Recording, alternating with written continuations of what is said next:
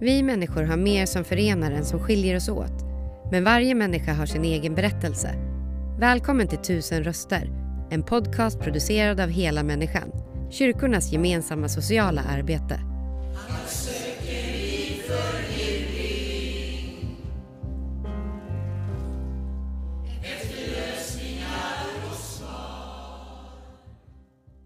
Jag sitter här med Feffe som är 57 år.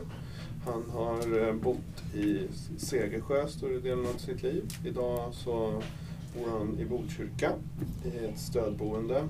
Och, och han har varit eh, hemlös i perioder, cirka 20 år. Hej Feffe, hur är läget? Det är bra tack. Ja. Eh, hur ofta brukar du besöka Hela Människans verksamhet här i Tumba? Reagården är väl ett par gånger i veckan. Och sen mm, ja, typ varannan vecka eller någon sådan till själva second hand-delen. Tittar eh, på grejer Mm. där då. Tyvärr handlar man väl ibland också. Ja, det, det är oundvikligt. ja. Men du har jobbtränat lite grann också, Ja. Vad gjorde du då? Testa elektronik Mm. och eh, hjälpte till inne på Riagården. Sen eh, som inkilning här så har man, eh, får man jobba på grovsorteringen först och det var det, det, det är ett lätt jobb men det är ett hiskeligt jobb. Det är så mycket saker. Oh. Och allt ska ner i rätt lådor för att sen gå in och bedömas om det är någonting att ha och prissättas och så vidare. Men, Men det, det är kul också om man hittar någon sån här riktigt fin grej va? Ja, nu är det ju särskilda regler som gäller där. Att när det har väl blivit godkänt så får, eh, fick, får man inte handla som eh, arbetande här förrän tidigast klockan 11. Så att eh, de som besök, kommer hit då som vanliga kunder ska ha en timme på sig och ha första tjing. Det låter ju bra. Mm, inte för mig. Då, man såg mycket, man, oh, när man gick och så hade man en liten lista på, så det fanns ingenting kvar. Alltså. Nej, det är klart. är Det var så här, mm, Men då, då kommer du hit och handlar lite nu när du inte är arbetstränare längre? ja. Ja. Och som second hand-butik måste jag faktiskt säga att det är en, av de roligare jag varit inne i. Det är så mycket olika grejer att titta på. Det man har varit inne i second hand som i Älvsjö. Det är mest möbler och böcker. Det är inte roligt. Sen andra som bara har kläder. Second hand-butiken i Tuna som Röda Korset håller i. Där är det lite mer kvalitetskläder och sånt och då, då går det iväg i portmonnän för mycket. Så. Och så mest damgrejer i och för sig. Men, Ja. men, men eh, nej, det är lite roligare för att det finns mycket att titta på. Vill du berätta lite om ditt ehm, liv som hemlös? Nu bor du ju i ett stödboende men tidigare har du bott bland annat på en idrottsplats förstår jag. Ja, bland annat. Det sov jag i en biljettkur. Det var ju så att man höll sig borta eh, ända till skymningen och så kom man dit och så sov man där och så gick tidigt på morgonen. Så att, och det var väl inte för upptäckten mer än att eh, det var i fred helt enkelt. Man vet aldrig vad det är för gökar ute. Det finns snälla gökar också som, som kan vara jobbigare än de som är jobbiga i vanliga fall. Jag kan tänka mig det. Det är... mm, Nej, men sen har det varit li- källargångar och li, liksom lite allt möjligt. Mm. Sen har man lyckats med inneboende på fem olika adresser. Men det är kortare tid och det är aldrig säkert. Nej. Det är också en sån här, man vet inte vad som händer. Mm. Det är dag, dag i stort sett.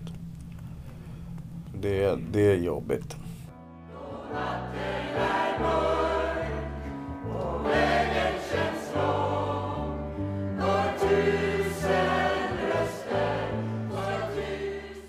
Skulle du behöva för att få en... eh, Eller vad är viktigt för en bra dag för dig? Ja... Viktigt för en bra dag, det är väl att man vaknar och man kommer upp ur sängen utan att oja sig för mycket. Men, nej men...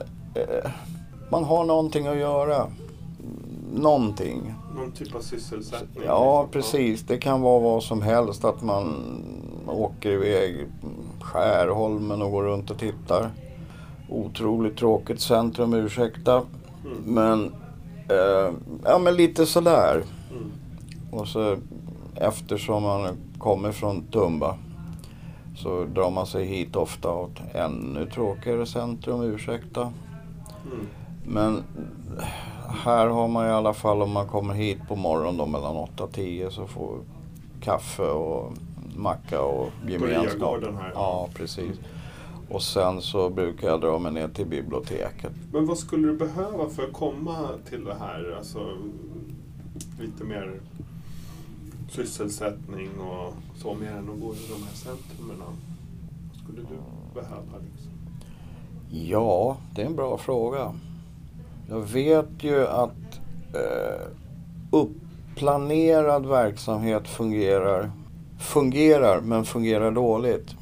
För jag har eh, med alla hjärnblödningar jag har haft så gör det här att jag har svårt att, att eh, fokusera i saker. När man väl, jag arbetstränar på kommunen också.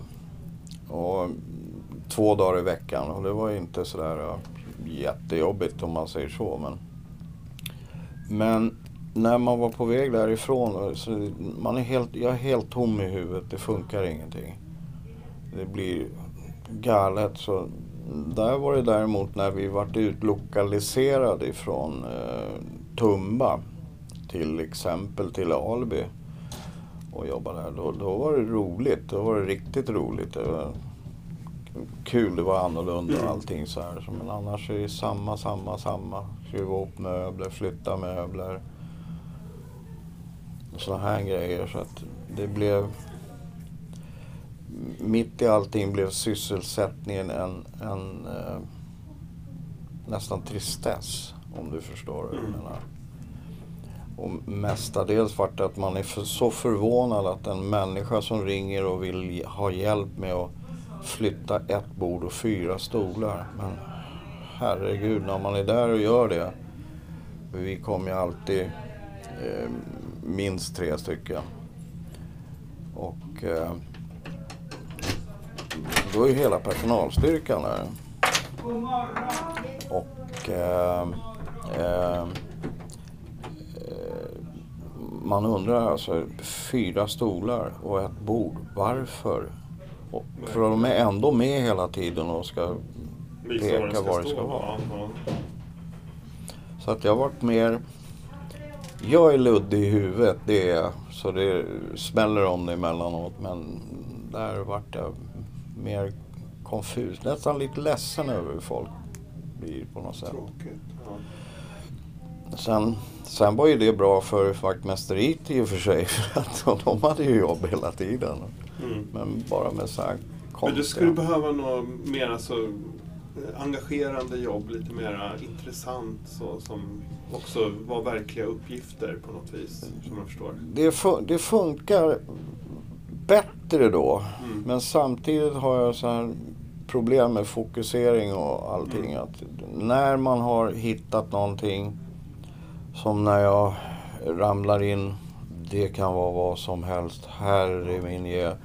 Men om man fokuserar och man letar på nätet och man engagerar sig. Sen är en två, kanske hela tre dagar borta i huvudet. Mm. Totalt borta. Mm. Det, det, det, mm. Man måste ha fusklapp för att veta när man ska gå och käka lunch. Ja, det, är, det, är, det är sant alltså. Att man, man, vad, är, vad är det nu? Vad är det nu? Vad är det nu? Och så är det, ja just det, när det är lunch. Ja, oh, det är ju snart. Ja just det. Det, det, är, det är läskigt och det blir värre och värre tyvärr. Mm. Men så att...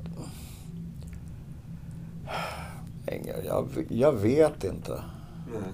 Det, det är svårt. för Ute bland folk är roligt men det blir för mycket det också. Av, av det goda. Mm. Så man åker iväg till exempel. mm, Man riktar sig någonting till eh, något stort varuhus eller något. Ja, Okej, då är man ju där och tittar runt eller ett centrum eller någonting sånt här. Och vad, vad finns och vad är det och sådär. Men, men ja, jag vet inte. Det, jag har svårt att Mm. fokusera helt enkelt. Men du trivs när du kommer hit i alla fall till Ja, Egård? oh, oh ja. Här är folket av samma skrot och korn. Mm. Lite bakgrundsmässigt olika men, men annars. Mm. Det är, det är, En härlig stämning. ja det är det. Mm. Den är rå och ohjärtlig. men den är, det, är, det är precis så här att man har eh, ja, det är nog på något sätt man förväntar sig, jag har sagt det en gång, att när man har varit på Riagården i två timmar, om man inte bara, om man är där två timmar och inte någon har sagt någonting elakt till en, då är man illa ute. Tack så mycket. Det var intressant att höra om din situation. Ja, tack. Tack för att du lyssnat. Intervjun gjordes av Daniel Ryderholm och musiken framfördes av Gatans röster. För att hitta fler avsnitt och ta reda på hur du kan engagera dig besök helamänniskan.se volontär.